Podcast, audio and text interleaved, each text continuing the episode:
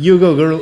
Um, dobrodošli v Metinem čaju. To je podcast o medijih, o dobrih in slabih praksah, novih tehnologijah in trendih prihodnosti. Gostje so ljudje, ki vejo, kaj govorijo, v medijih delajo, z njimi živijo in o njih razmišljajo. Gostitelja pa sva Nataša Briški, Metina Lista in Aljaš Pengov Bitens, Radio Chaos. Aljaš živijo.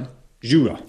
Dobite naju na Twitterju pod Afna Pengovski in Afna DC43. Metina lista ostaja na svojem istem naslovu od vsega začetka. Afna Metina lista in spletna stran metinalista.si. Uh, takoj na začetku, hvala, hvala za podporo. Aljaš imava pa tokrat še dobro novico za začetek, ne? Vuhu. Prejšnji teden uh, z Aljažem smo se namreč prijavila na razpis Small Grants, ki ga razpisuje, mislim, da dvakrat letno ameriška ambasada v Ljubljani in šla skozi.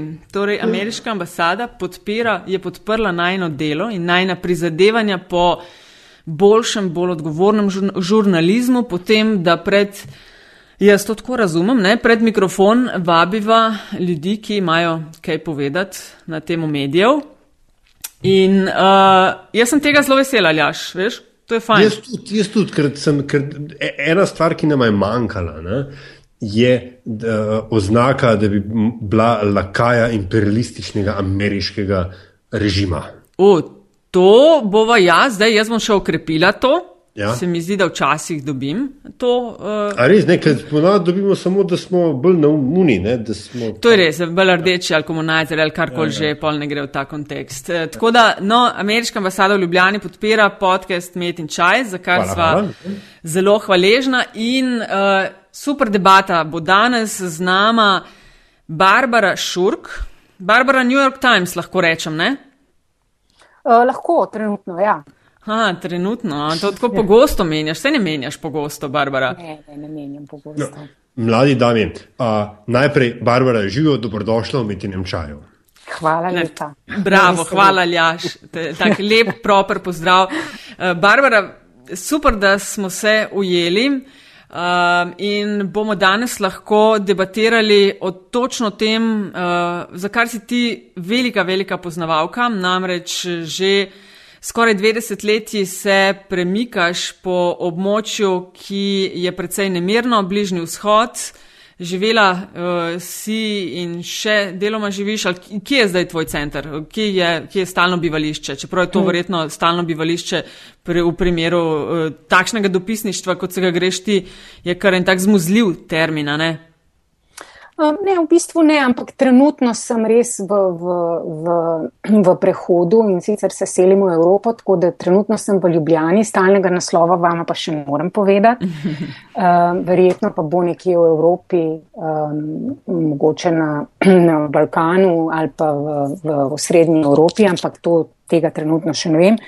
Ampak skratka, pogovarjam se z vami iz Ljubljane. Um, drugač pa ne, v resnici ni tako, da bi jaz uh, živela neko tako um, popotniško življenje. No? Ne, razumem, uh mhm. -huh. ne razumem svoje vloge v tem uh, smislu. Jaz sem res v, v zadnjih 15 letih, kar sem na Bližnjem vzhodu, sem zamenjala nekaj baz. Ne? To se okay. pravi tam, kjer sem, kjer sem živela in sem potem. Uh, pokrivala uh, različne države od tam. Zato, ker sem delala za Associated Press zadnjih deset let in um, mi smo pač, oziroma uh, tiskovna agencija ameriška pač pokriva um, regijsko. Ne? Recimo na zadnje sem bila, um, sem imela stalno prebivališče v Bejrutu, sem tam živela, sem imela stanovanje, ampak pokrivali smo pa večinoma um, seveda Sirijo, zato ker je bila ta um, sirsko vojno. In v tem smislu pač pokrivati sirsko vojno je pomenilo, da smo veliko potovali v samo Sirijo, dokler smo lahko pa v Turčijo in Irak, v sosednje države. Tako da v tem smislu mislim, da um, um, nisem zdaj, da, da, da hodim za njim. Razumem, jaz culo okol, pa kjer je um, kaj zaporočati, vem, vem, razumem. Tako, ker mi je res uh, zelo pomembno mi je in mislim, da ljudje, ki nas tuje dopisnike uh, opazujejo in si mislijo, da res živimo neko zelo uh, avanturistično življenje in da, da um, je naše na, da, so, da, so, da je polno prigod in, in uh, vtisov in tako naprej, kar je, ampak pač uh, jaz vedno pravim, da uh, rada razložim tudi to, da je um, tudi veliko odrekanja, da je um, na trenutke oziroma da so dolga obdobja dosti. Um, da smo dosti prikovani v pisarne, tudi recimo zaradi varnostnih razlogov. Uh mhm. -huh. Ampak mogoče bi zdaj, ne vem, počakala še na vajno, vpraš vajno eh, vprašanja, ker sem se kar eh, poglobila v ta odgovor. ja.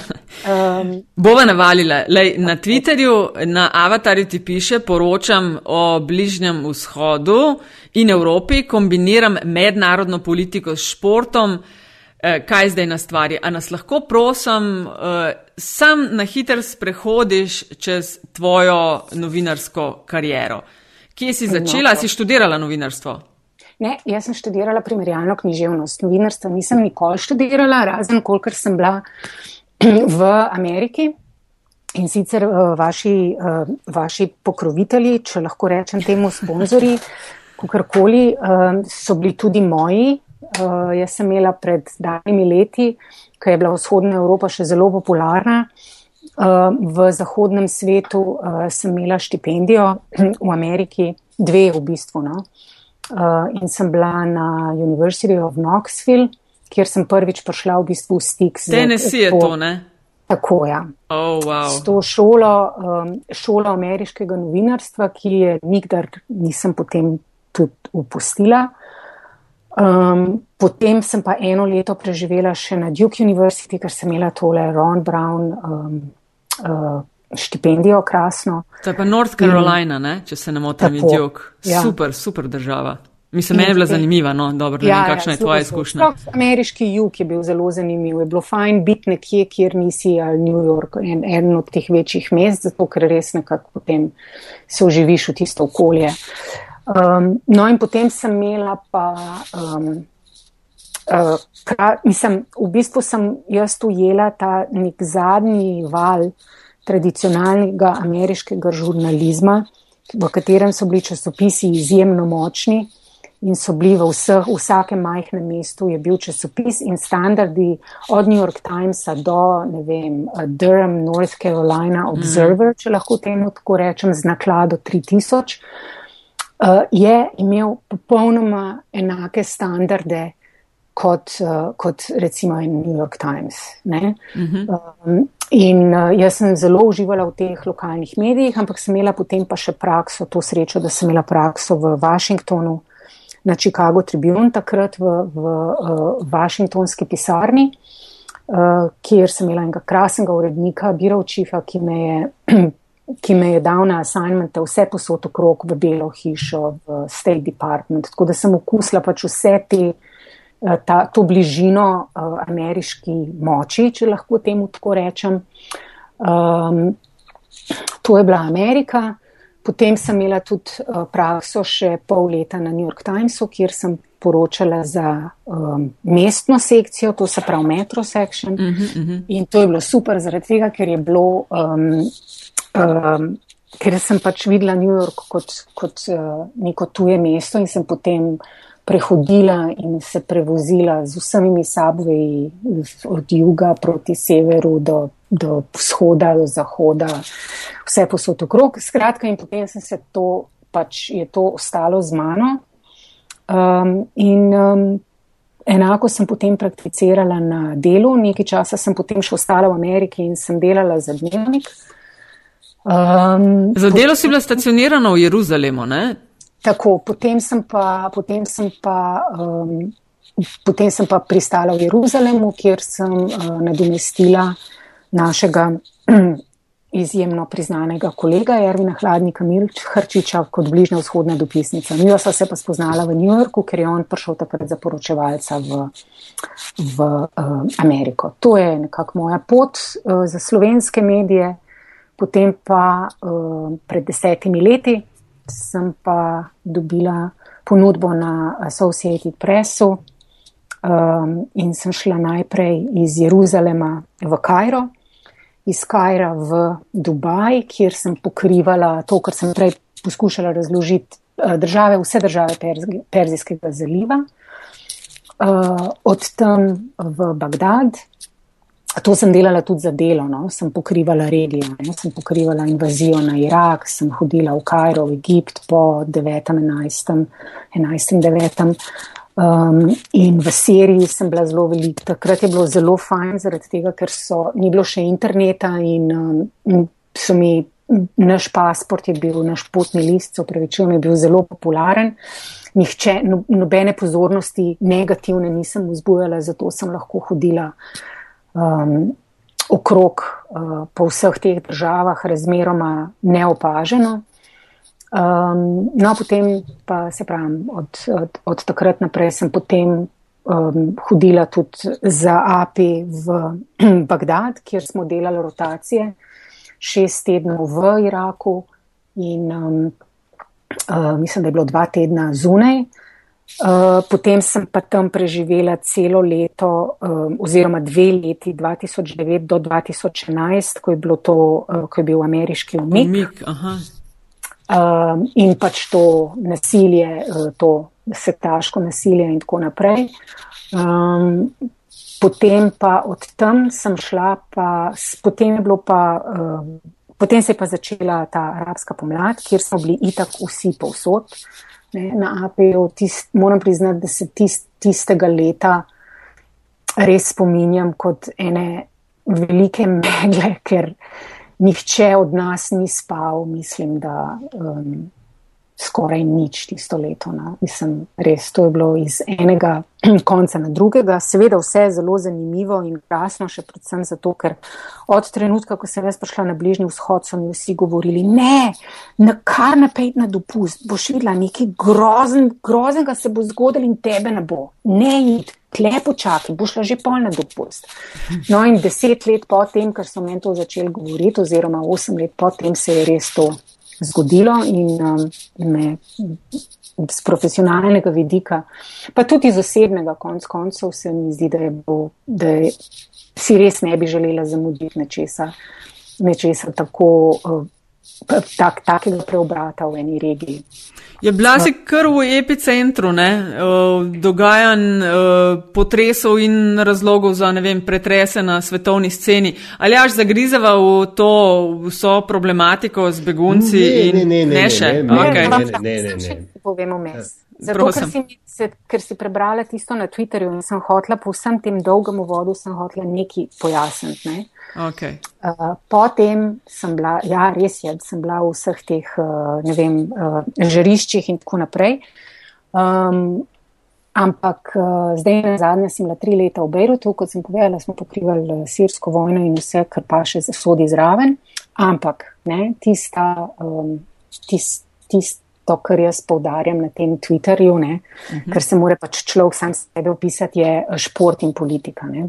Jaz sem vel, velika privrženka športa in sicer še posebno, ko um, se šport meša s politiko in to globalno politiko in um, zanimanjem spremljam vse te dogodke.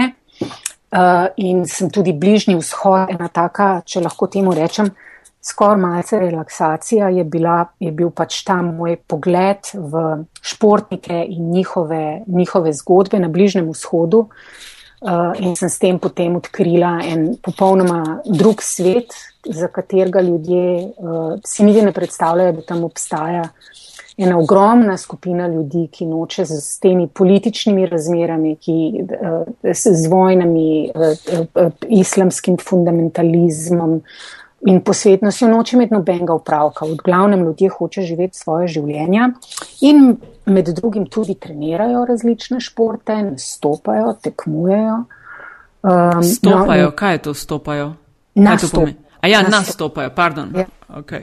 Uh, no, in to sem samo hotla. In moj naj, najbolj, najbolj, najbolj v spominu mi je ostal moj assignment, ki sem pokrivala leta 2012, verjetno za nagrado na APU, da smo bili v vseh pač teh groznih krajih. Sem pokrivala olimpijske igre v Londonu in to je bilo, um, to je bilo prekrasno. E, za AP iz tistega kriznega območja, zdaj pa ja, olimpijske. Sem, tako, sem bila 2012, sem bila potem v Londonu šest mesecev, ker sem pokrivala tudi vse, um, to se pravi vse, kar je to obdobje, ko je vodilo do, um, do olimpijskih iger v, v Londonu. In s tem, da sem imela pač te uh, bližnje vzhodne uh, države čez in uh, sem na ta način potem lahko upravičila to svojo uh, daljšo odsotnost iz uh, regije in uh, sem delala na, ja, na mednarodnem športnem desku in je bilo super. Barbara, po vsem tem, ne, v vodu in, in, in uh, epski tvoje zgodbi uh, in, in milijonski vprašanj o aktualni problematiki, malo seveda, naša mene seveda zanima nekaj popolnoma drugega. Kako človek, ki je šel skozi Ne, kako slovenski novinar dobi job v neki taki globalni žurnalistični mašineriji, kot je AP, ki ga, ki ga ameriški novinari gor gledajo? Ne vem, jaz ti ne vem povedati, kako. Jaz sem takrat, um, takrat so mene kolegi, s katerimi smo skupaj delali, tako ne, na, pač v, v, na, na različnih področjih, so rekli, da če bi mene to zanimalo za njih delati. In jaz sem šla potem na nek test, in potem je bil še nek intervju, in potem sem dobila job. Ne. Mislim, da je okay, lepo, da si skromna, ampak a, a veš, predstavljam si, da je tako vrsta ambicioznih ljudi, ne? da je ta vrsta, da je, je spisek dolg in ugleden, ki bi radi to službo, ki jo imaš ti. Ja, absolutno, ampak jaz mislim, da, je, da ne gre tukaj romantizirati stvari. Ne? To je, um, kot praviš, veliko ljudi uh, nas gleda, uh, oziroma pač uh, si misli, da to, to je pa tako prestižno, pa tako naprej. Ne? Ampak tisti, tisti uh, recimo kolegi naši ali pa tisti, ki imajo ambicije v, v, v, v takem novinarstvu, ne? pa tudi vedo, da je to uh, res izjemno garaško delo. Ne? Uh, mi, recimo, na agenciji, ne, um, pre, če, vam recimo, če vam povem samo primer, ko smo pokrivali sirsko vojno, ne, um, se verjetno veste, da so se pač meje zapirale. Na eni strani je, so uporniki začeli ugrabljati ljudi in predvsem novinarje, ki so bili pač edini tujci, ki so tja noter hodili. Ne. Na drugi strani pač ta sirska vlada ni pustila nikogar v Damaski na ta območja pod nadzorom, um, pod nadzorom režima. In um, smo potem bili zelo odvisni od tega, um, od um, aktivistov, ki so uh, snemali um, um, pač dogajanje okrog sebe, ki so bili upremljeni s temi kamerami in s, temi, um, um, s to tehnologijo, no? da so potem te stvari dajali na, uh, na, na YouTube. Ne? Najprej prvo leto upore so bili to protesti, kje se dogajajo, kje se. Um, kje se kaj dogaja, kje, kje so jih potem streljali.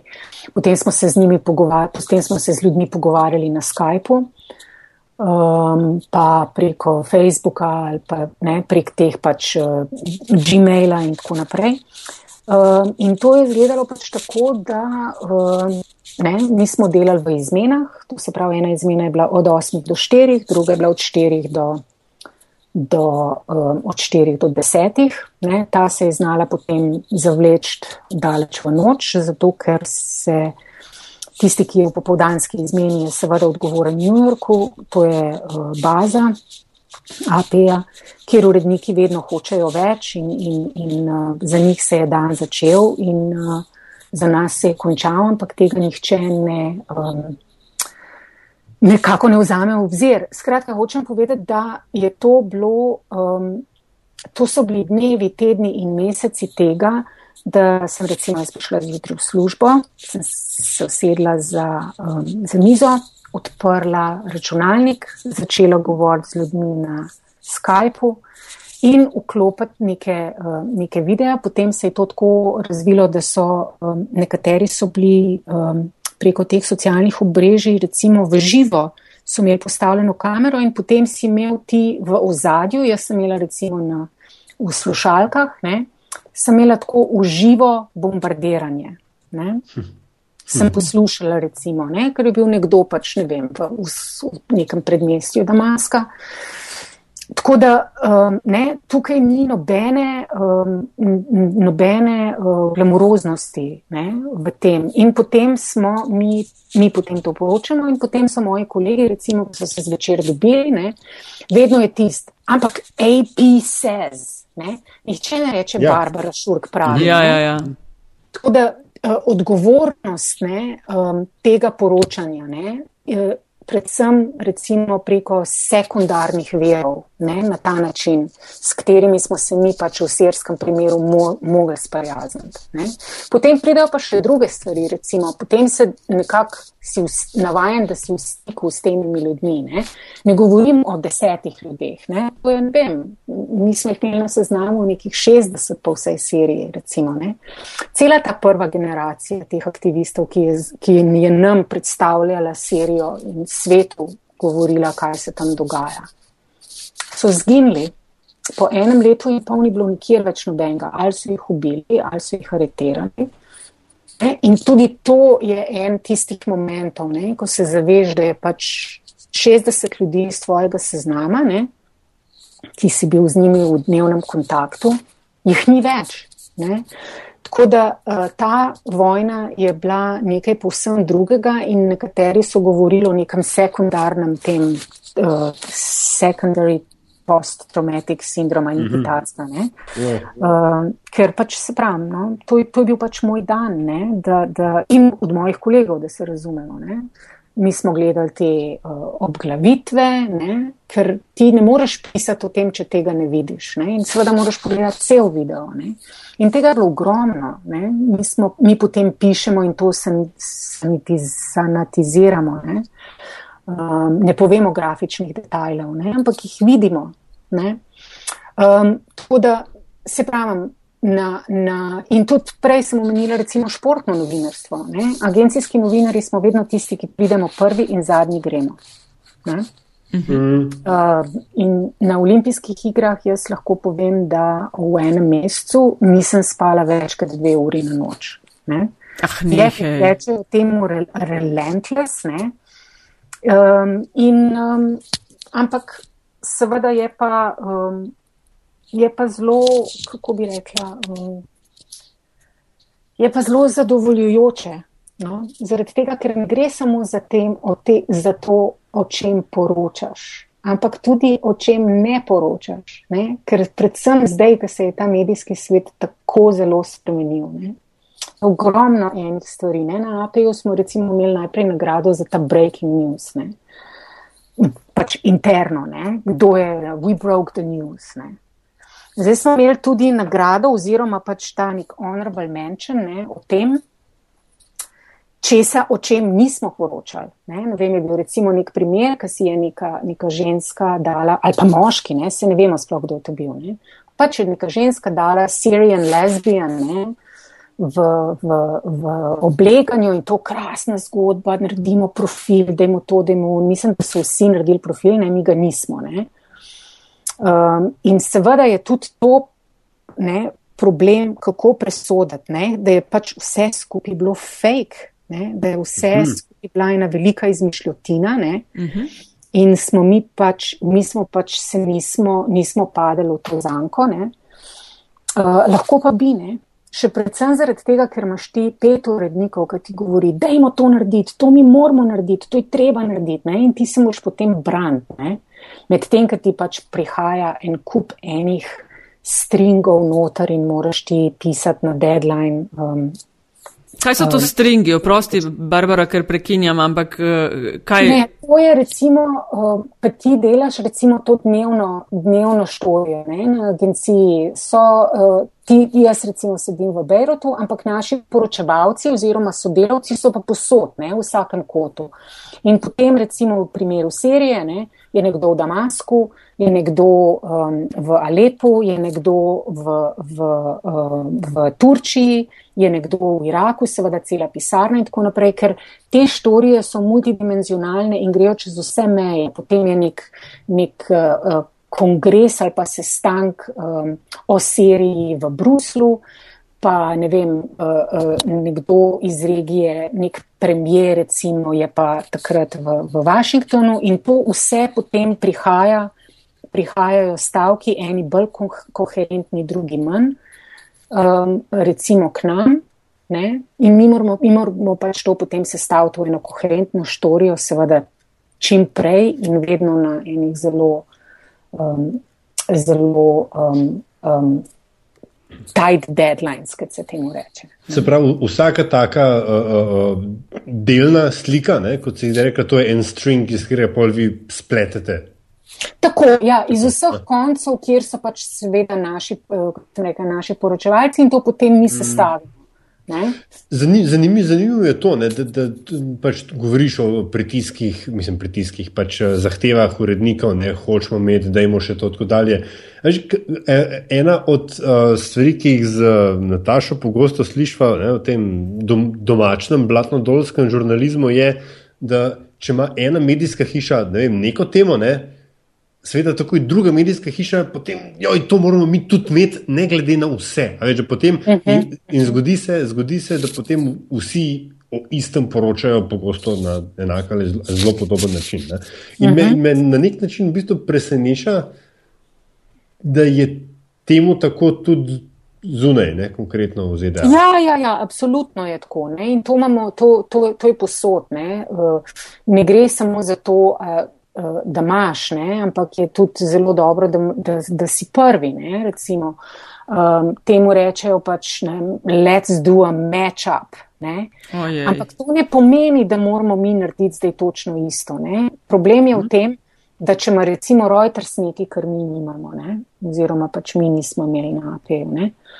Uh, to ne pomeni, da moram jaz zdaj iti pa, pa potem v pol urce napisati, zato da bojo oni srečni. Ne, uh, ne. Okay, ne. Ja treba je, da jaz grem in, in po, po, po naših standardih, to se pravi po standardih Associated Pressa, to preverim. Ne? In če pridem do tega, da pač to temu ni tako, potem lahko rečem ne. ne? Zdaj, eni uredniki se prej dajo prepričati, da to ni res, recimo. Eh, še, še ena velika razlika je, ne? Reuters ima um, en ver, AP ima dva vera. Ne? Aha, to so te standardi, o katerih govoriš, da rabiš iz dveh verov imeti, če lahko poročaš o tem. Recimo eksplozijo, rečemo temu, da je, da je zdaj eksplozija v mestu Ljubljana. Ne? In je potem um, mene nekdo pokliče in pravi, ja, na preširnovem trgu je.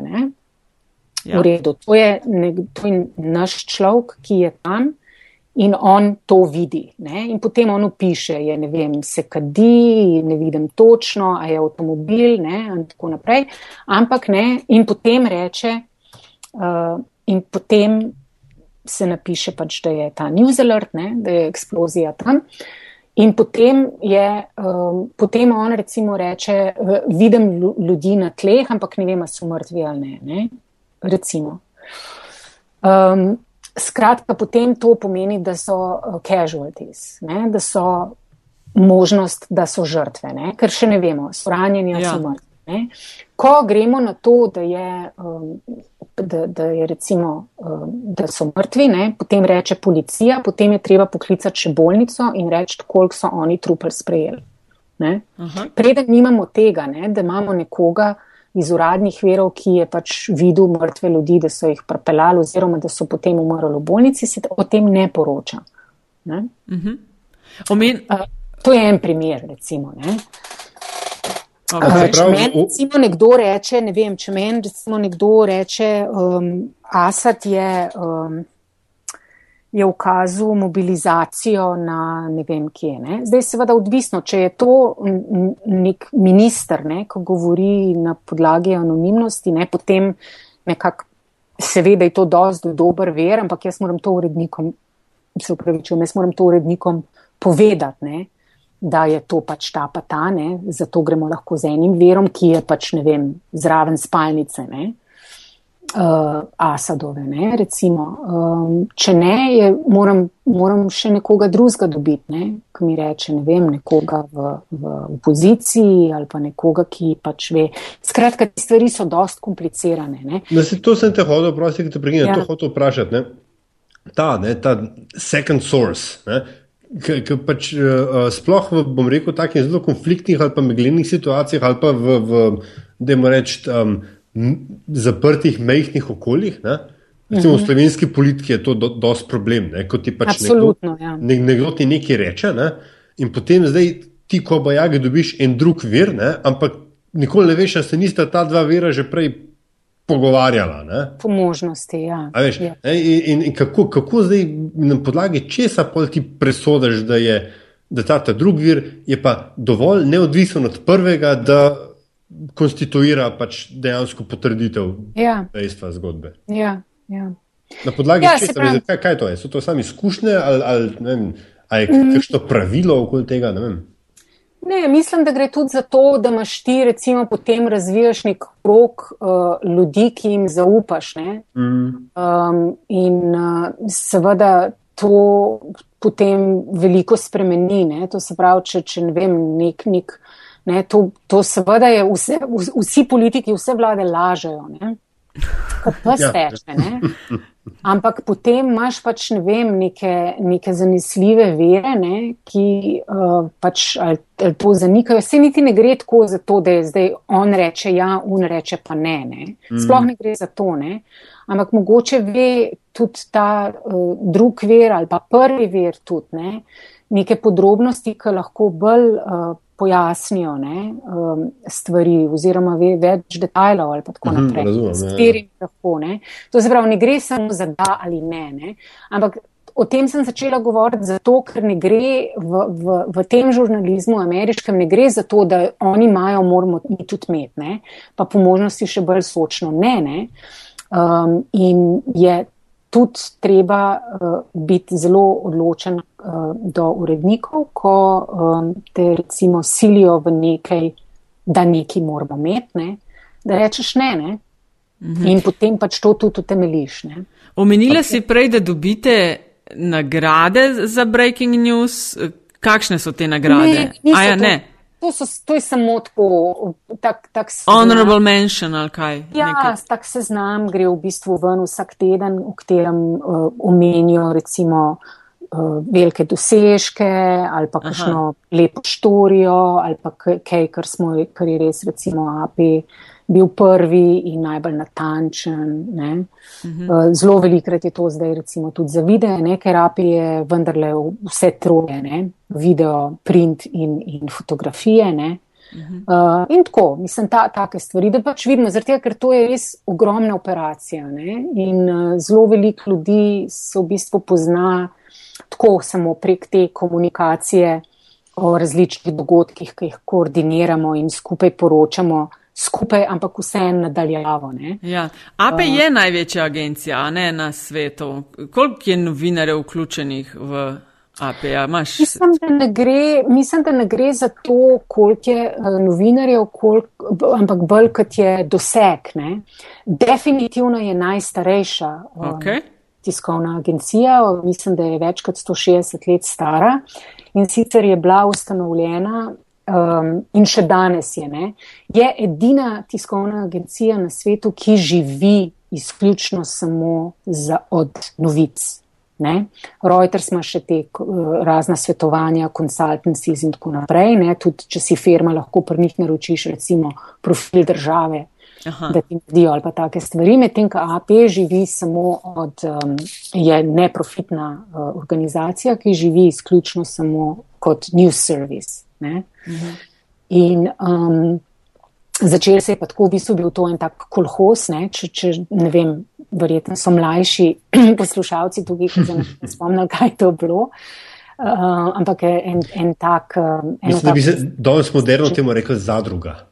Tako je. To je bila zadruga. Vsi ameriški časopisi so se združili, da so naredili pač to organizacijo. Zato primarno v Ameriki, zato ker je bil pač, ker je kontinent tako velik, da nek lokalni časopis, ne, kultura časopisja je pa v Ameriki zelo razširjena od nekaj.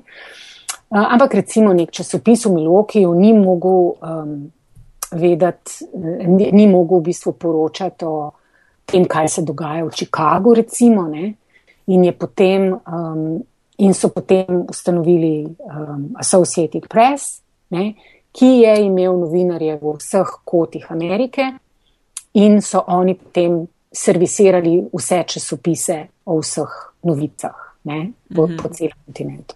In potem se je to zelo hitro razširilo tudi na svet.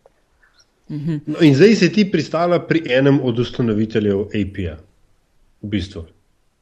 New York ja. Times. Točno to. Ja, in delaš podobne stvari kot za AP, si neke vrste, ne vem, uh, terenske ali kaj konkretno? Mm, ja, mislim, zdaj zaenkrat, mislim, sem, ja, delam, po, delam podobno, seveda. Zdaj, v bistvu bolj delam podobno, kar se tiče teme, ne? zato ker je um, nekako ste se zdaj združili. Um, um, kako bi temu rekla, pač dva moja svetova, ne, sta se zdaj s to begunsko krizo, ne, če se počasi približamo temu, uh, ki je preplavila Evropo, sta se združila dva moja svetova. Ne. Eden, iz katerega izhajam, to je pač ta, to področje te uh, srednje, vzhodne, kakorkoli Evrope in Balkana in seveda bližnji vzhod. Mm -hmm. In uh, Um, jaz pač zdaj pišem članke, poročam o tem, s tem, da je pač moj velik um, fokus, bi rekla, je prav na teh ljudeh, ki prihajajo, hkrati pa tudi vedno več o tem, kako se, kako se bo Evropa s tem, um, s tem soočila, kako bo to šlo naprej. In, tako, in uh, moram reči, da je zelo, zelo fascinantno to gledati, zato ker že toliko časa nisem živela v Evropi, da me prav, um, prav kako bi rekla, ne, ne vzhičena, ampak nekje med vzhičenostjo, šokom in, in, in vsem drugim sem, ko gledam te reakcije in, in te sestanke v Bruslu in, in kako bo vse to pač se razvilo v neko koherentno, če se bo politiko, zelo, zelo zanimivo. No, da je to o tem, Barbara, lej, živela si vrsto let na Bližnem vzhodu in na teh območjih, iz katerih zdaj uh, prihajajo k nam begunci. Uh, zdaj, velika večina novinarjev poroča iz tistih območij, na katerih si ti živela, sledimo tiskovnim agencijam. V bistvu beremo tebe in tvoje kolege in povzemamo, kaj se dogaja. Uh, zdaj je pa tole od tam prišlo sem. Kako naj zdaj to, to razumemo? Kaj naj s tem počnemo zdaj? Ja, jaz mislim, da je zdaj ena, ena napačna percepcija, je, da ne bodimo hvaležni, ne, da tisto, kar je tam, ni prišlo sem ne, in to je vojna. Ne če se bomo, verjetno, če se bomo podobno obnašali kot se zdaj, se zna zgoditi, da bo ne.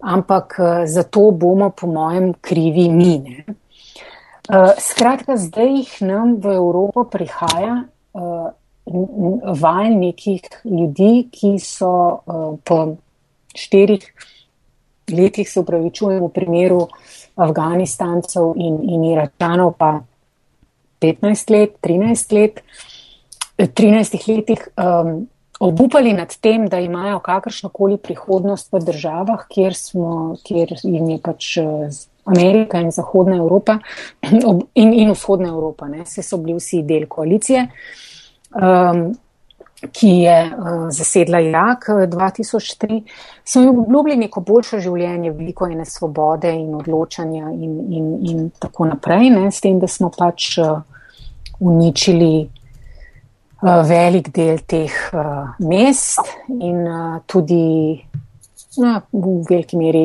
njihov način življenja. Uh -huh. um, zdaj, seveda, če pogledamo serijo, sem prihajajo ljudje, ki so um, bili že begunci prej. Ne? Evropa je zelo mirno stala in nonšalantno opazovala, kaj se dogaja v Libiji, potem, ko so zbombardirali uh, Eh, režim um, praktično ni opazila, kaj se je dogajalo v Tuniziji. Ne, to je direktno, direktno, to se pravi, neposredna bližina Evrope. Sirija je mediteranska država. Mislim, da imajo v Bruslu, sem tudi govorila enkrat na eni konferenci, ki se reče Euromed, ne, to pomeni Evropske države in država Mediterana. Vse te države so države Mediterana, vključno s Sirijo, Sircev ni bilo na tisto konferenco. Ja. In um, skratka, vedno je bil, jaz sem imela vedno ta občutek, da, ne, ko sem jaz recimo prihajala sem na obisk, pa tako, je bilo vedno uh, to, da sem jaz, da jaz prehajam od nekje, ki strahotno daleč. Ne? Ampak jaz nisem bila daleč. Ne? To se samo zdi, da je, da je geografsko je pa to zelo, um, zelo blizu in ni prvič ne, v zgodovini, niti ne nedavni zgodovini, da iz tega območja ljudje prihajajo v Evropo. Ne. Balkan še posebno je vedno bil uh, nek, nek transit point, neko tranzitno območje za migracije um, z bližnjega vzhoda in daljnega vzhoda Azije in tako naprej. Um, tako da skratka, jaz zdaj se ne bi pridružila nekim, um, nekim alarmnim, um, šokantnim novicam, da so se zdaj novici, da so se te. Uh, da, so se te da teroristi prihajajo k nam. Je, Ja, eh, da so se te obogi ljudje ne, eh, pojavili na naših mejah, eh, da ne, ker se pravi, zdaj ljudje bojo našli pot tja, kjer upajo, da bojo imeli boljše življenje. Jaz, jaz srčno želim, da bi jim mi po najboljših močeh to omogočili, zato ker mislim, da begunci.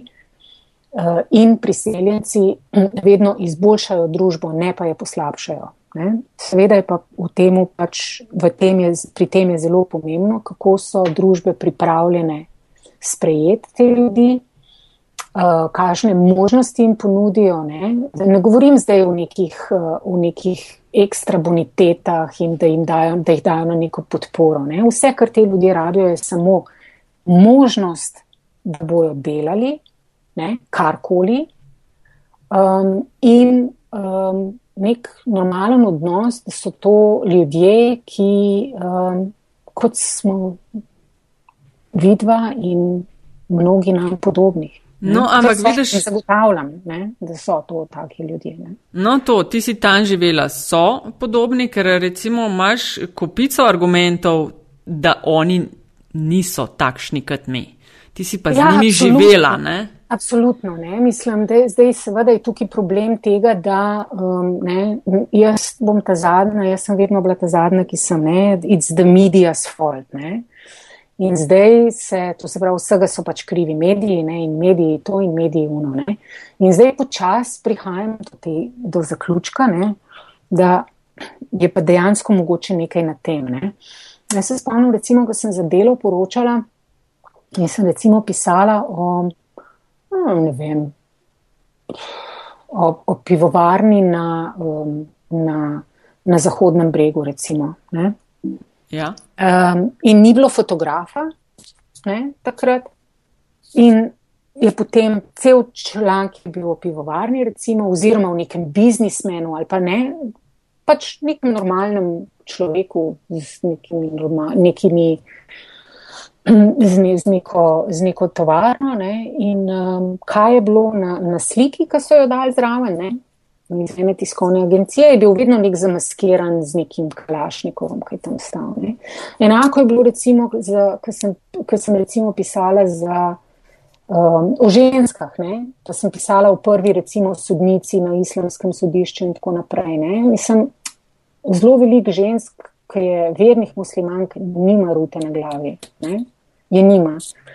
A vedno je bila um, slika ženske pokrite, zavite v ne vem kaj in tako mhm. naprej. Uh -huh. um, skratka, ta imič, ne, da zdaj tam dol vsi letajo okrog z nekimi puškami ne, um, in uh, so vsi zamaskirani in ženske hodijo v grnene, ne, mislim, je zelo, zelo velik, mislim, je zelo oddaljena pač od te resnice. Ne kar recimo se zelo dobro pokaže v primeru Sirije zdaj, ali pa konc koncev Iraka. Ne? Iračani so bili vendarle tisti, ki so po ameriški invaziji plačali največjo ceno v življenju, v infrastrukturi njihovih mest. Ne? Uh, ko so uh, se razno razne radikalne uh, uh, sile in frakcije pojavile in jim, in jim to besedno razturile življenje do onemoglosti. da je bil prepoved, da je bilo prepovedan pit, da ženske niso smele nositi make-upa. Mislim, da, smo bili s prijateljco v avtomobilu, pa smo si pred checkpointom dajali dol make-up. Ne? Jaz z, iz solidarnosti z njo, ne? ona pa zato, da ne bi slučajno je nekdo. Ne? Uh, ne? Hočem povedati, da pač res so njim uničili življenje. Ne? In um, davno preden se je pojavil ISIS na naši televiziji in so obglavili tega novinarja, pa ne vem, unga tujca in tako naprej, kar seveda ni prav, ne, um, uh, smo mi se, ker jaz sem pokrivala že ta begunski val iz serije, ne, ja, ja. sosedne države, ne, in so ljudje nam govorili, kako je prišel nekdo ne, v, v, v, v njihovo hišo, je govoril z nekim, nekim nemogočim glasom v jeziku, ki ga oni niso razumeli in je rekel, da ne grejo ven iz hiše. Ne. In to je bil pač eden od teh foreign fighterjev, ne, teh tujih borcev, ki zdaj pridejo, ki prihajajo pač, oziroma so prihajali v Sirijo. Ne, In zdaj vodijo to neko islamsko državo, razumeš, iz, iz, iz Anglije, iz, iz Belgije in Francije, če naštejem samo evropske države, ne? in potem še iz Pakistana, Čečenije in tako naprej. Um, skratka, oni vedno plačajo največjo ceno, kar se tiče radikalizacije in, in, in vsega tega. Uh, Medtem ko Evropa ni razrešila um, oziroma ni integrirala prvih priseljencev, prvega vala priseljencev, ki je bil po koncu kolonializma, to se pravi Francija, Alžircev, Nemčija do neke mere Turkov, um, uh, Belgija, Maročanov in tako naprej. Ne? Uh, ko se je pač uh, soočala s to kolonialno preteklostjo, ki jo je pod, pometla pod preprogo. Ne? Jaz vam lahko zagotovim, da pač eh, so vama obema in upam, da tudi poslušalcev. Pa vendarle, veste, se je velik, um, velik slovencev potuje, zelo velik slovencev živi tudi v teh krajih, delajo vse mogoče zanimive stvari. Uh, tako da jaz mislim, da um, veliko ljudi razume, ne? Ampak ne vem, zakaj se pač tisti, ki sodelujejo v teh, teh bolanih. No, uh, uh, talk šovih ali, ali ne vem, ki kličejo na televizijo, kličejo na radio, zakaj um, govorijo take neumnosti. Ne? Uh, in ne razumem, konc koncev ne razumem pač tudi seveda, uh, ne vem, uh, politikov, ne? mogoče evropskih politikov. Ne? V, v zadnjem času imamo Uh, mislim, take izjave, ne, da, da um, na najvišji ravni, da je pač človeka tako uh, rahlo strah. Ne. Ja, mislim, da veš tukaj, da domnevaš, da, da um, Evropo vodi, vodijo politiki, ki naj bi imeli pregled nad, nad uh, širšo sliko. Ne. Jaz se bojim, da vsaj od hmalo po padcu berlinskega zidu je ta generacija politikov nekako pač odmrla. Ne. In, se zdaj pač da zdaj si živimo v 24-urnem medijskem ciklu, v štirletnem volivnem ciklu in vse, vse ostalo manj pomembno, ne? da o, o, o, o medijskem in političnem konzumerizmu, kjer hočemo rešitev takojšno, stotno učinkovito in brez stranskih učinkov, ne? o tem sploh ne bi, ne bi zgubljal besed. Tisto, kar, tist, kar mene zanima, je, je v bistvu ta kaj gre tebi, ali pa ne, tvoje občutke, veš, tem, ko, ko, ko, je, ko je zdaj bližnji vzhod, ne postal dobesedno bližnji, ne, ko, ko je mhm. okolo vinka, ko, ko si ti, ki si rekla, pač, da, da je skrati, praviš, da je zanimivo.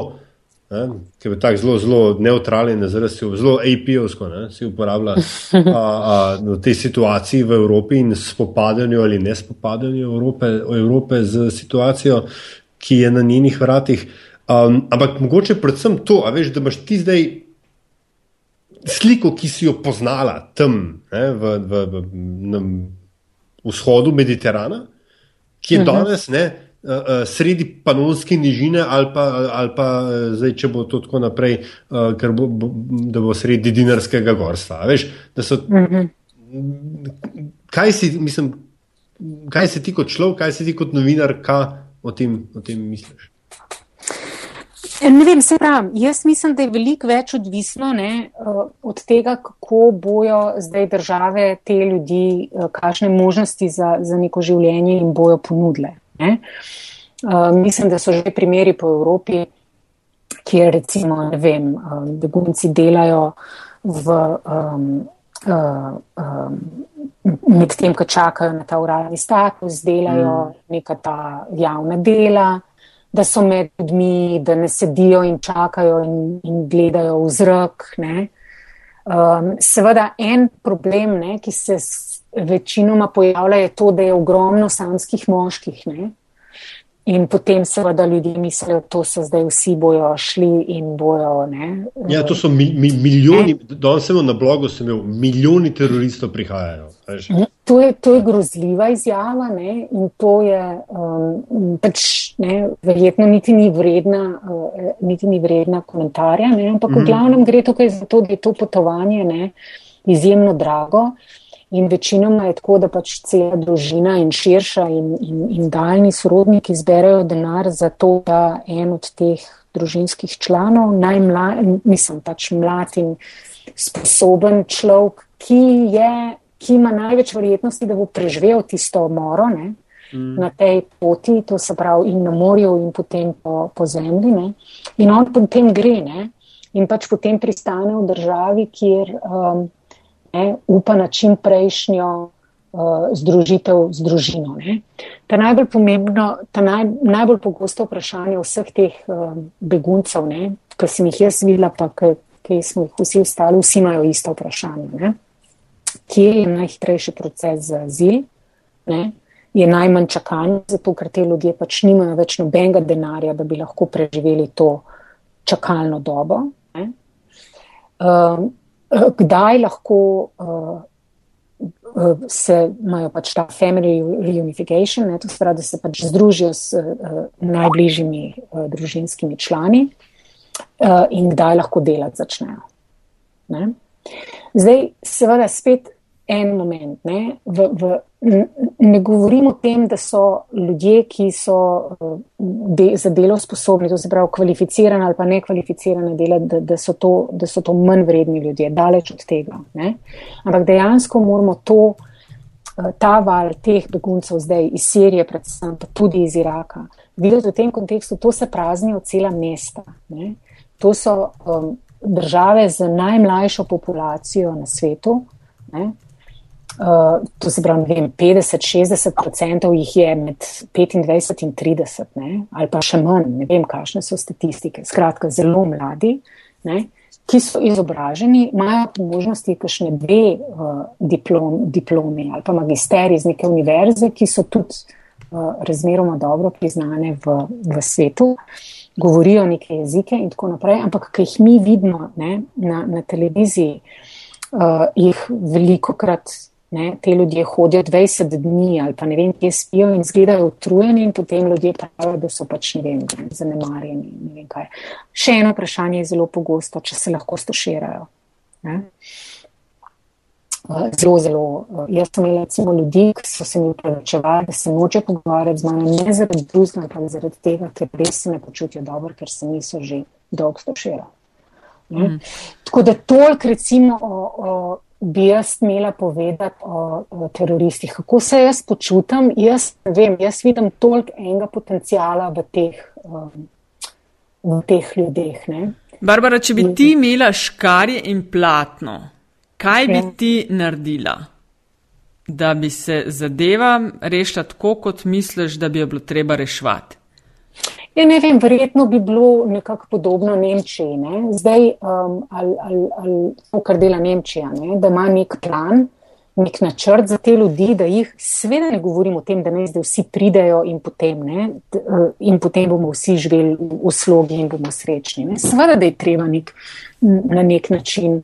Uh, sprocesirati in, in, in preveriti dokumente, kar pač tudi delajo. Ne? Delajo to v Avstriji, delajo to v Nemčiji, ne? v Grčiji nimajo nobenih možnih uh, teh eh, naprav ali ne vem kaj, skratka, tega ne delajo. Ne.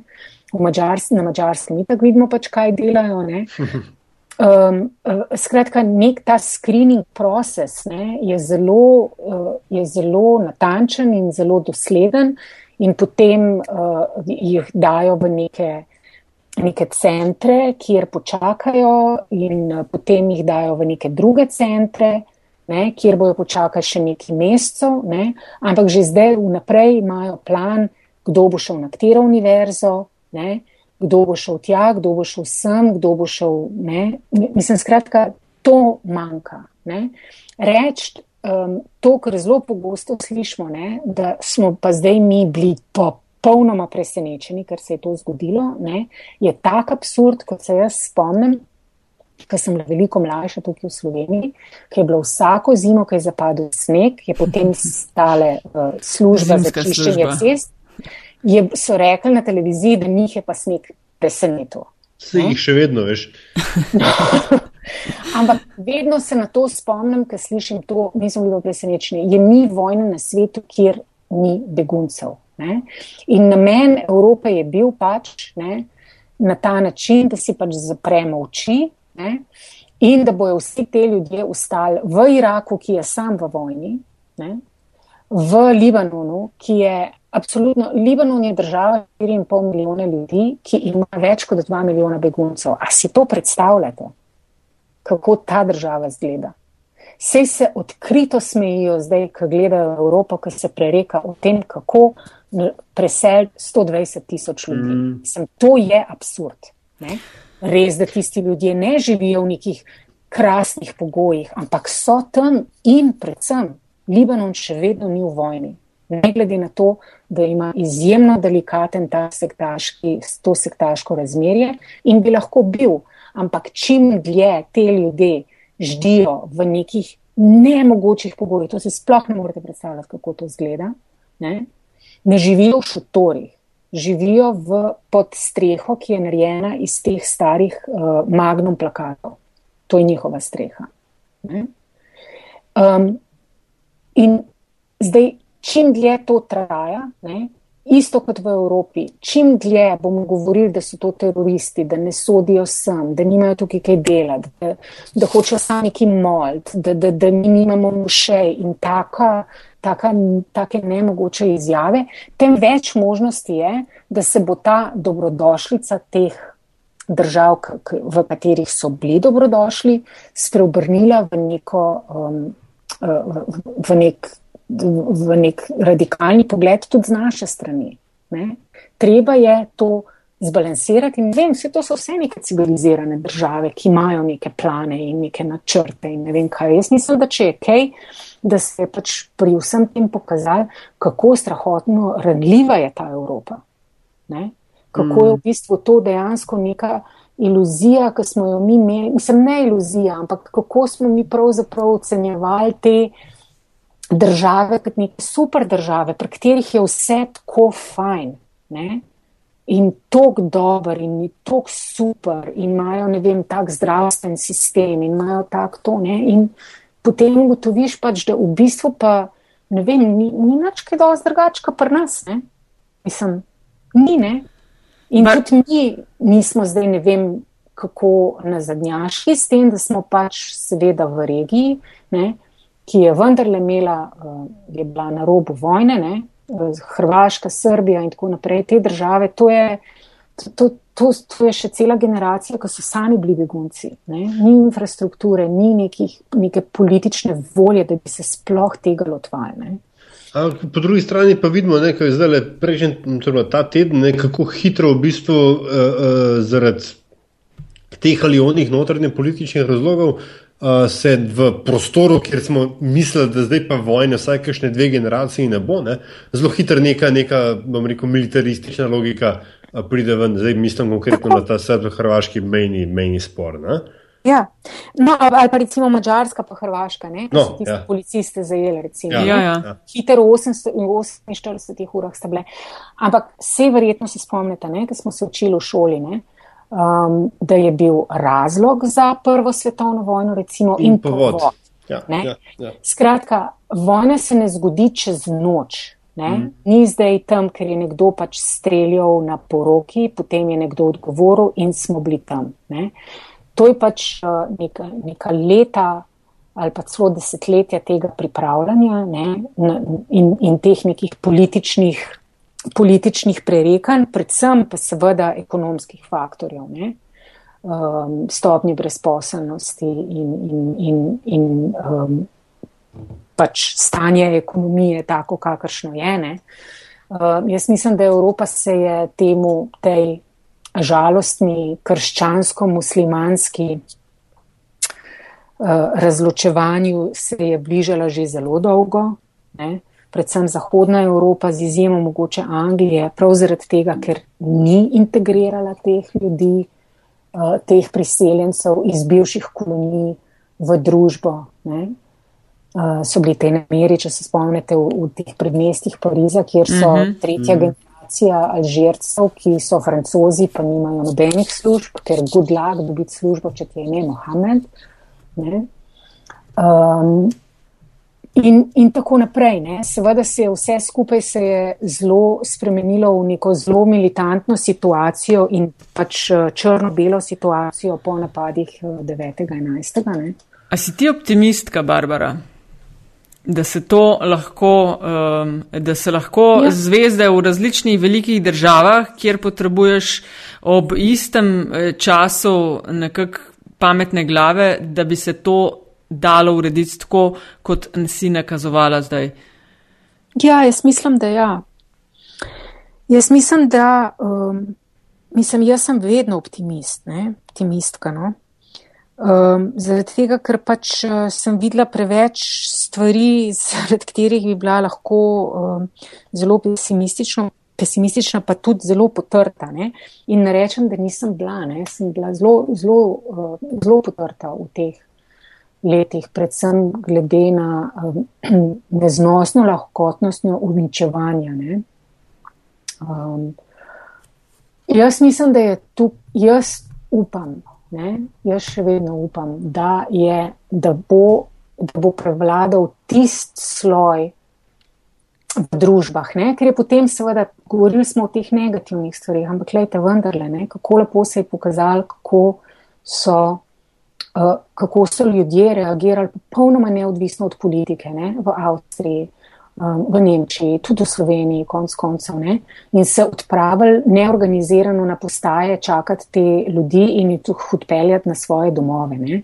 Jaz sem zdaj na Dunaju, recimo, so ena, ena civilna organizacija, ki sploh ni organizacija, nikjer niso registrirani, so um, enostavno, vsi so stari od, od 20 do, do 28 let in so vzeli, um, to sem tudi uh, članek napisala zdaj za New York Times, uh, Eh, in so enostavno okupirali um, glavno železniško postajo na Dunaju. In oni, osem ljudi, je nek core leadership, tako so se oni predstavili, imajo zdaj 2000 prostovoljcev, celo krilo te postaje je namenjeno beguncem, imajo kuhno, imajo um, uh, stranišča, uh, kliniko, zdravnike, um, odvetniki ali pa študentje prava pridejo svetovati um, ljudem za pravni nasvet, če hočejo ostati v Avstriji, kako nadaljevati proti Nemčiji. Skratka, mislim, to je bila. Um, človek ne more drugega, kot da res dobi vero v, te, v, v človeštvo. Ne? In si misli, da uh, je, je upanje. Ne? In imaš mm -hmm. potem pač te tinejdžerje, oziroma niso tinejdžerji, no? ampak mladi ljudje, ki imajo ohane vse posodne. In potem pač te begunce, ne? ki, ki jim dobesedno zaupajo naslednji korak, ne? ki lahko pomeni njihovo celo življenje. Ne? Razumem. Aj tebe, Barbara, ko pomahaš, zdaj počasi bomo morali uh, zaključovati, aj tebe, ko pomahaš s presico New York Times ali pa AP-a, uh, kaj lažje ali mogoče glih zato, ker gre za ameriška medija, niti je, ne vem, trenutek uh, v času in prostoru takšen, da mogoče to ni prednost. Ne vem.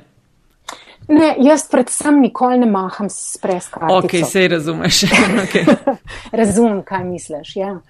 Um, ne, večinoma je meni, men, jaz sem zelo, jaz se trudim, oziroma ne, niti se ne trudim, ampak uh, nekako imam bolj v naravi to, da uh, sem čim bolj neopazna. No? sem lahko tudi zelo odločna, ampak večinoma se ne. Um, se ne delam kakršnih dejanj, ki bi vzbudile veliko pozornost. Ok, ne? ampak pa želiš prideti recimo do kakšnega sogovornika, ki je ta in ta in ima tok in tok novinarjev, ki bi radi do njega prišli, a je zate kot novinarko New York Timesa lažje pol do nekoga prideti ali. Uh...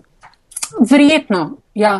Bi skoraj mogoče rekla, če, če govorimo o teh, um, o teh, recimo, ne vem, pač. Uh, ja, ne, teh pomembnih ljudeh, to verjete, misliš, to ja, no, ampak uh, predvsem je bilo, predvsem je zelo, uh, predvsem so ljudje zelo odprti do AP-ja, zaradi tega, ker so pač vsi zelo pogruntali, da uh, če v tej poplavi novinarjev, ne, če dajo pač agenciji, ne, potem s tem nagovorijo cel svet. Mm -hmm. A veš, kaj mislim? Razumem, ja, ja, ja. Tako da pač ti enemu novinarju ne, eh, daš uh, intervju oziroma poveš, kar hočeš povedati, ali pa daš dostop do tega. Mislim, da to zelo veliko ljudi prepriča. Uh, tako da potem je v bistvu tekmovanje dejansko za, med, med agencijskimi novinarji. Ne. Ja, ker se dejansko smo v vseh presrumih, je, je AP, je Reuters, mogoče AFP pol se Tako, pa počasi ja, zaključi. Ja, je zelo, zelo popularen na ja. vzhodu. Ni nikogar boljšega. Oni imajo najboljši dostop do posod in vse vize dobijo. Oni so super, res. Tako da ja, mislim, se pravim, jaz večinoma pa probam tako na terenu, pa to pa probam ustati zelo, um, uh, zelo neopazna. Um, in um, na ta način ti ljudje tudi, tudi bolj zaupajo in ne, se, se razkrijajo. Če bi mogoče hotla, če bi me prisila vidva, ne, da sta tako nasilna v ja. teh vprašanjih. Ja.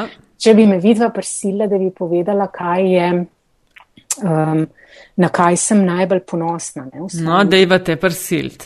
Ajde, no. na kaj si najbolj ponosna? To, da mi toliko velik ljudi zaupa uh, zgodbe svojega življenja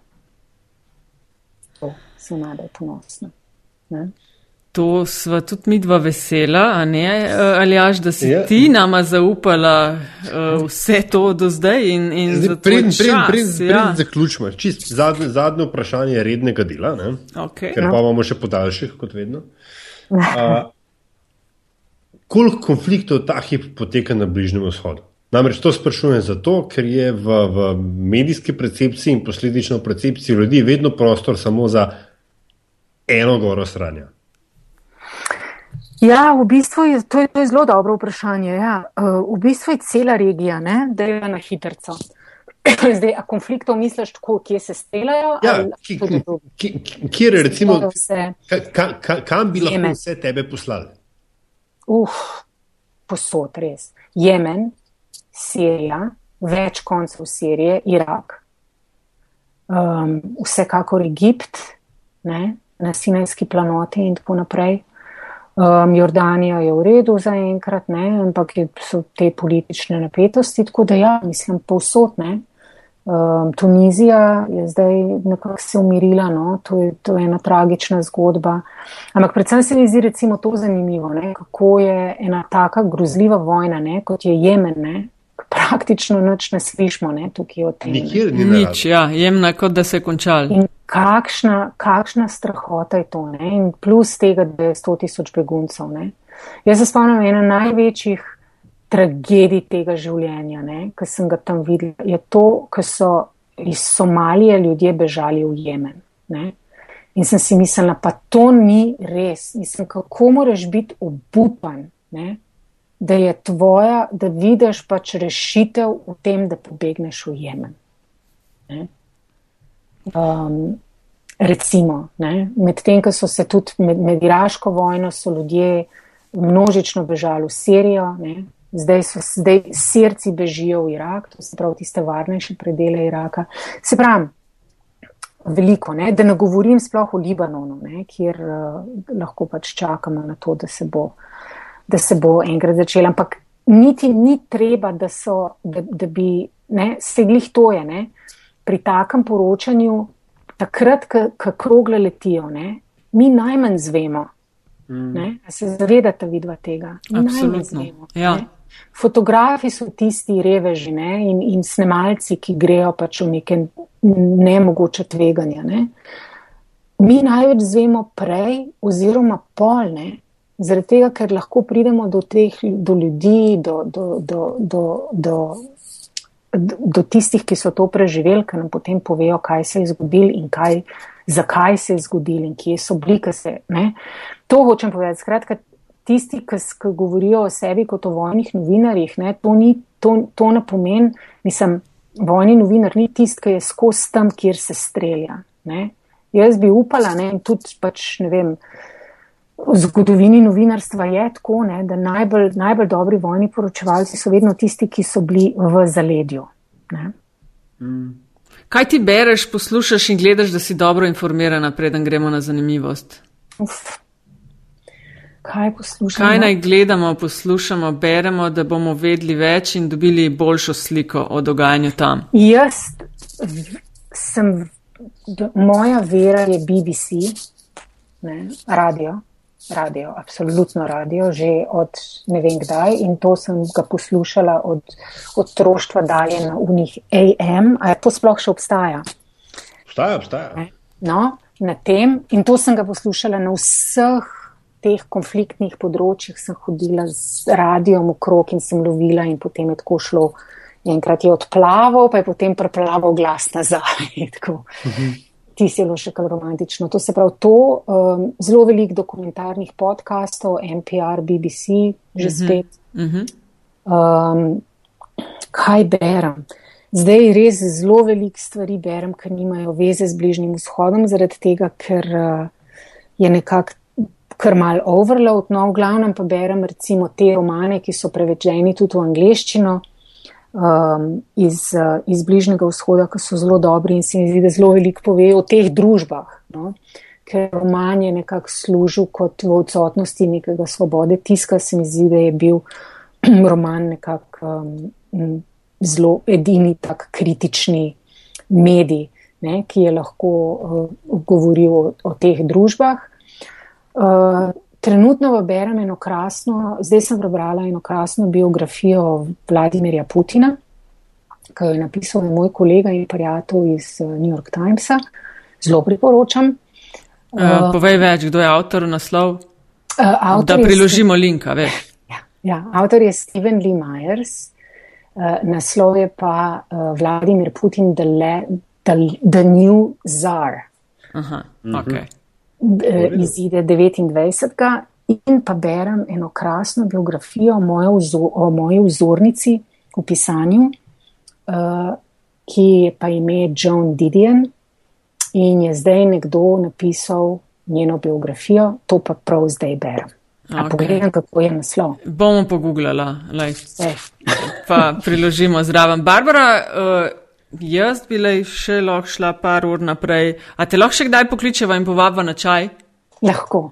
Okay. Ja, pa še to vam moram povedati, ne, kam ta, ta vajn naslov te je, mi je bil zelo všeč, zaradi tega, ker meta, kot verjeten veste, izhaja, v, um, iz, izhaja iz tega mediteranskega področja in um, arabci, predvsem v Levantu, to se pravi v Siriji in v, uh, in v Libanonu in v Palestini in Jordaniji, vedno pijejo čaj z vejico mete. Pa valjda, ja. Le, mi dva smo beduini, še rekoč. Pa še kakšne pinjole noter. Pin... Ej, v Maročani so me enkrat to tako naredili. A res?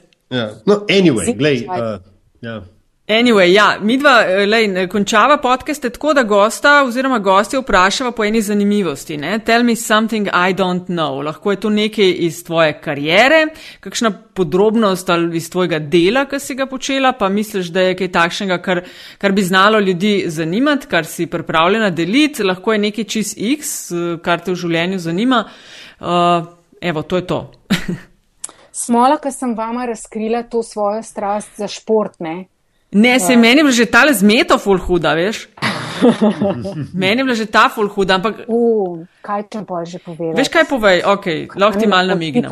Dej mi namignem. No. Namignem ti, a tisto, kar si omenjala, da poslušaš, meni si rekel, da si full fanica podcastov. A so to bili uh -huh. že tudi naslovi podcastov ali imaš klele drug seznam? Um, Ma ta zadnjega, ki sem ga poslušala, tako da sem mogla enkrat avto ustaviti, je bil prav ta serial, ne, ki je bil. A, si fenica seriala. Oh, mislim, to je bilo noro. Ne. To, a misliš naslove uh, dokumentarcev? Ne, ne, ne, podcastov, čist podcastov, kje podcaste poslušaš? Teh pa, teh pa nisem tako prav podcaste, no zdaj le, od zdaj naprej, kdorkoli me bo vprašal, seveda veš. Še rekla met in čaj, ne, valjda. Absolutno. Ja. Ne. Uh, tako da teh, uh, začela sem ene o, iz NPR-ja poslušati, pa mi niso bili pretirano všeč, zaradi tega, ker so preveč uh, govorilo o, meni so všeč podcasti ali pa dokumentarci, ne, uh, ki pač grejo kot, kot uh, zato mi je bil ta serial tako všeč, ker meni je moja največja skrivnost je to, da sem pač tudi absoluten fan true crime, ne? ali pa tudi ta ah. fiction crime. Ne? Law and Order, ne, to je moja najljubša serija. Ne, vedno. Ne.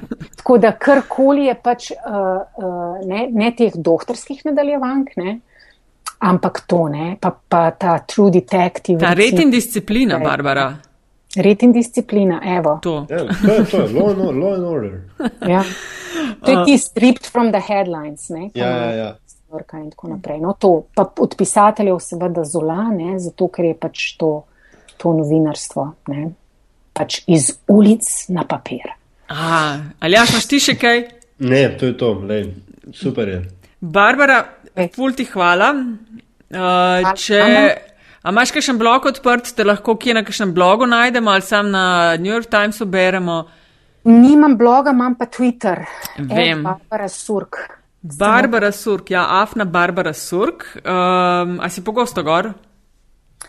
Um, poskušam biti mal več, no, ampak um, se pravi, ker še mal lovim to identiteto. Jaz sem začela tvitati z namenom, da bom tvitala samo o politiki in športu. Ja, engel, da bo pač en tak nenavaden engel, ne, ki bo, bo pač, to bo pač moja Twitter identiteta. Ne. Ampak seveda potem je pač zanesel tudi druge vode, pa valjda moram tudi. Kaj še selfie gordat, ne? Ne, to ne, ne. Ampak štorije pač frendov pa tako ne, da se pa, se veš, da smo mutual gratification society. To, ah, ja. sharing is caring. Ej, Barbara, full, full, hvala. Hvala, ja, hvala ti lepa, res. Ja, no to je bil metin čaj, številka 58. Uh, Nataša Briški in Aljaš Pengovbiten sva avtorja, komentarji in predlogi dobrodošli na Afna Metina Lista, na Facebook strani, lahko nam pišete tudi na infoafnametinalista.si in še enkrat hvala za podporo v vseh oblikah. Hvala lepa.